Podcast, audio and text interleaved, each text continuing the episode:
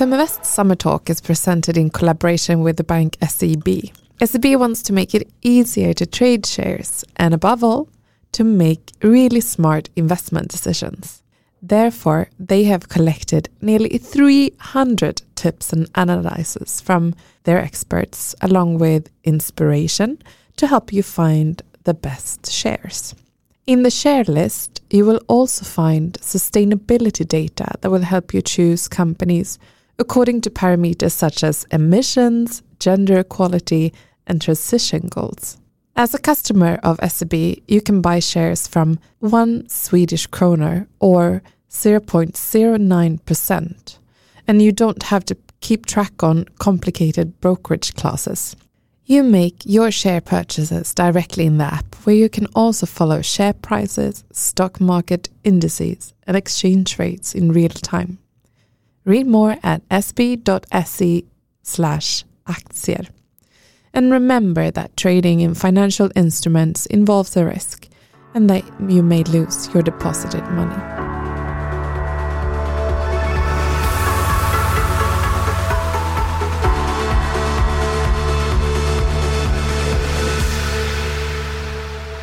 My name is Adela Dashian, and I work as an equity research analyst for an American investment bank.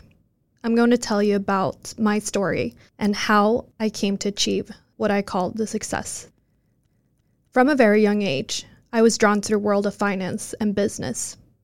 Both of my parents were hardworking, which instilled in me a drive to achieve my own success. It also taught me that success doesn't come easily, and if you want something, you have to be willing to work for it.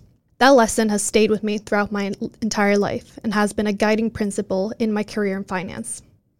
I believe that hard work and dedication are essential to achieving success, and if you're willing to put in the effort required, you will achieve your goals, no matter how big or small they are. If someone had told me when I was a little girl that my life would take me in the direction it has, I probably wouldn't have believed in it.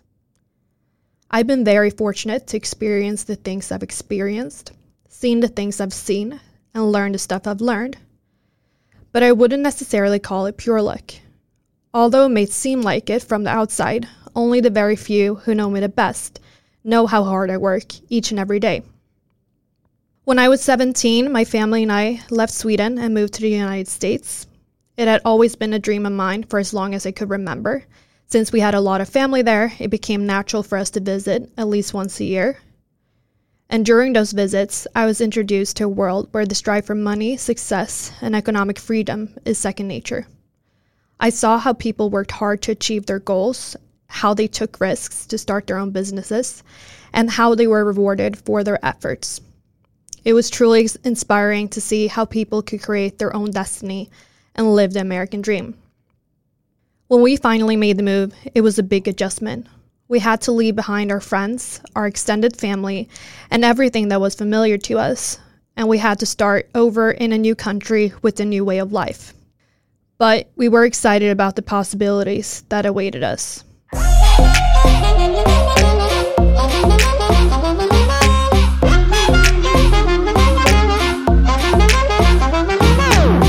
Put your cuffs on me, throw away the key. Cause you know I've been so bad. I know that you're sweet, wanna make you go mad. Mm-hmm. Everything you say, driving me insane. I will get under your skin. It's a game we play. When I lose, I still win. By the time I was in high school, I had already developed a keen interest in finance. I was interested in the stock market and followed the latest business news, and economics was my favorite class. I love to learn how the economy works, how businesses operate, and how money flows through the system. I had already then planned that I, that pursuing a career in finance is what I wanted to do, and I was determined to make it happen. My biggest dream was to make it to Wall Street and make New York my home. And I had heard stories about the fast paced, high stakes world of finance in the city, and I was eager to be a part of it. I knew that it would be challenging and competitive, but I was ready to make it happen. At the age of 18, I was admitted to one of the top ranked business schools in the US and I felt like I finally had a shot at achieving my dream. I was surrounded by like minded people, many who came from wealthy families. And although some might have felt threatened by that, it only motivated me to strive for more. Deep down, I knew that I would achieve my dream. I almost never doubted myself, and it was that unwavering self belief that has taken me to where I am today. Besides majoring in finance in college, I started to seek out internships and other opportunities to gain practical experience in the industry.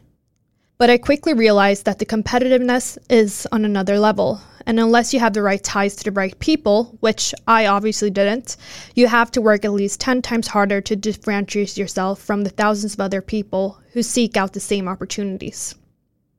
I will never forget the recruitment process that landed me my first job on Wall Street.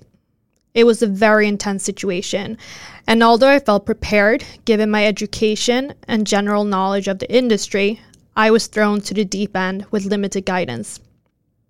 Here I was in a room with my peers, many of which had siblings, parents, or grandparents who had worked in the industry for many years. I have to admit that I felt out of place, but I was determined to make it work. After a first round of interviews, I got asked back to Super Day.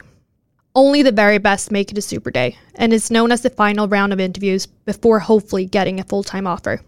The odds of even making it to Super Day are low, but I was getting one step closer to my goal. We were around 20 to 30 students when I got to the investment bank's offices one early morning in New York.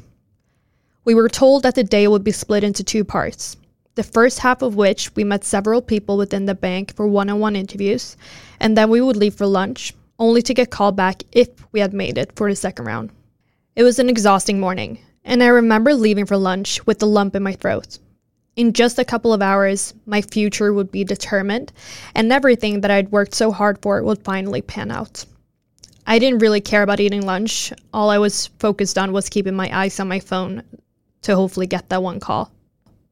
I go, midi bum billy bomb oh, yeah Love is so hard for the fireman.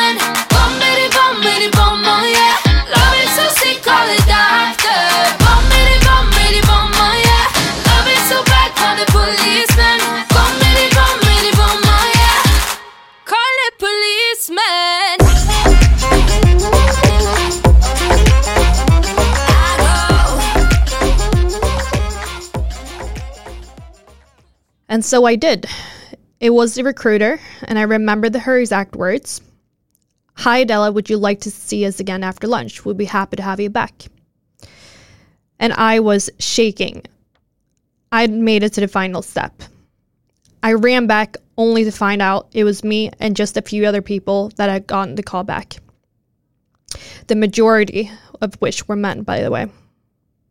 I was determined to make this work and I gained some type of confidence that I don't think I've ever felt before.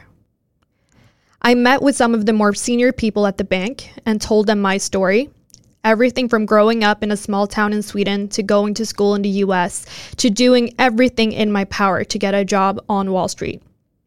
I left that day feeling proud of myself, proud of what I've accomplished, and proud of never doubting myself. I kind of already knew then that I had secured the job offer. I felt it deep in my core. So when I got that call a few days later, I cried tears of happiness and felt a sigh of relief. I made it. I really did. Yet, I hadn't even started my first job yet. So, really, this was just another step in the right direction. But it did feel incredible. That summer, before moving to New York, I was feeling scared. What had I gotten myself into? Why was I doing this? The night before my first day, I couldn't sleep. Only because I'd heard horror stories about how juniors were being treated in industry, especially women, and I was hoping I wouldn't be like one of those people who quit just because they can't take it anymore. The first few weeks was all about getting to know as many people as I possibly could. Even though I had a theoretical knowledge about finance, and that obviously mattered, networking and being liked also mattered. I helped out with silly tasks like getting people coffee and running errands, really anything that would make them appreciate me. I would say that was easy, but a couple of months in, the real work started. They had put me to test and felt like I was ready to take the next step. I was then put on a team of equity research analysts, some of the best on Wall Street that are frequently quoted in the Wall Street Journal and seen on Bloomberg News. I was working directly under their control, setting up Excel spreadsheets, compiling data, and as time went on, I started to get more responsibility. I was invited to sit in on meetings, to write up research reports, and I started to travel, making day trips to California and Chicago to see clients. Everything was very fast paced, and I did love every minute of it. At the same time, working on Wall Street was a struggle. I used to go from being a person that would value my downtime to barely having any downtime. All of a sudden, my weekends were consumed with work. Having time to go to the hairdresser or meet up with friends became more and more selective. The negative aspects of the industry that people had warned me about became reality. At some point, you completely forget that you live in New York because you spend more time at office than enjoying the city paying extreme rents for an apartment you only use to sleep in, and barely having any vacation. When I would explain that to my family and friends, who are used to the Swedish work system, that you can't really take two weeks off to travel to Europe in the summer because that's not how things work here, they will look at me stunned. What hurt the most was not being able to see my parents, who at this point already had moved back to Sweden. Although I had a lot of friends in New York, I started to feel lonely, but I guess I was too consumed with work to realize that I actually was lonely, and that this way of life isn't sustainable in the long run, no matter how much money you make. After three years on Wall Street, I woke up one day and made a decision. I wanted to move back to Sweden. Although I absolutely loved my job, I felt like I'd hit a point in my career that if I stayed here any longer, it would simply be too late to move back, given the opportunities that in that case would come my way. I secured a job at a Swedish investment bank and moved all my belongings back to my home country. I felt content, a feeling I hadn't felt in a very long time because I had spent the vast majority of my early adulthood running after my dreams, constantly feeling unsatisfied. I bought my first apartment within a few weeks of being back in Sweden in an affluent neighborhood in Stockholm, and that for me was a huge accomplishment. I learned for the first time the meaning of work life balance and that it is okay to turn your phone off on the weekends, and that it is okay for that one email to, to not get answered until Monday morning. It felt weird, but at the same time, nice. I was able to spend more time with my parents, I was able to travel, and I was able to do all those sort of things that life really is all about, while at the same time constantly pushing myself further in my career. After roughly two years at the Swedish investment bank, I was headhunted by an American investment bank who had just a couple of years earlier expanded and opened up an office in Stockholm. Saying yes to that opportunity absolutely felt like the right decision.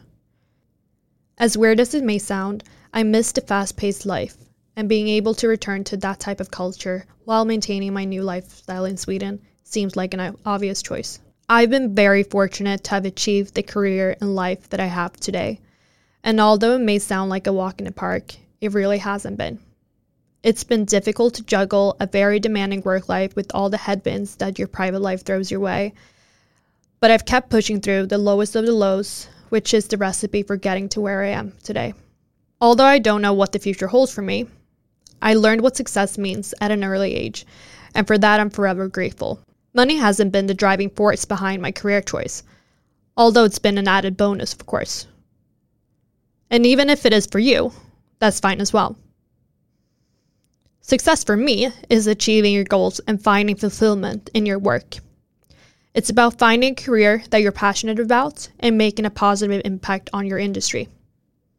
If you can do that, I think you can conquer anything. Finally, I'd like to share some of the best advice that I wish I would have been told when I was a lost little girl with very big dreams but no way of knowing if I would achieve them. Although school is very important to gain the theoretical knowledge of the industry, getting first hand practical knowledge is just as important. Your network is everything, and you never know when connections you've made will come in handy. It's important to build relationships and maintain them over time. Dare to seek out new opportunities, how frightening they may sound. And although it's cliche, you really can achieve whatever you might. Dare to seek out opportunities how frightening they may sound. And although it's cliche, you really can achieve whatever you want. I am a true example of that. Be open to different career paths, explore, don't be afraid to try new things, and find what works best for you.